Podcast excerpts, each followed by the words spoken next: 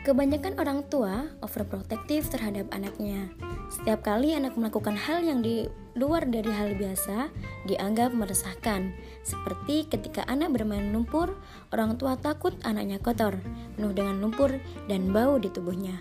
Padahal, kegiatan anak tersebut merupakan pengembangan kreativitasnya. So, jangan lagi overprotective terhadap anak, akan tetapi temani dan dukung apa yang anak lakukan supaya kreativitas dapat berkembang dengan baik.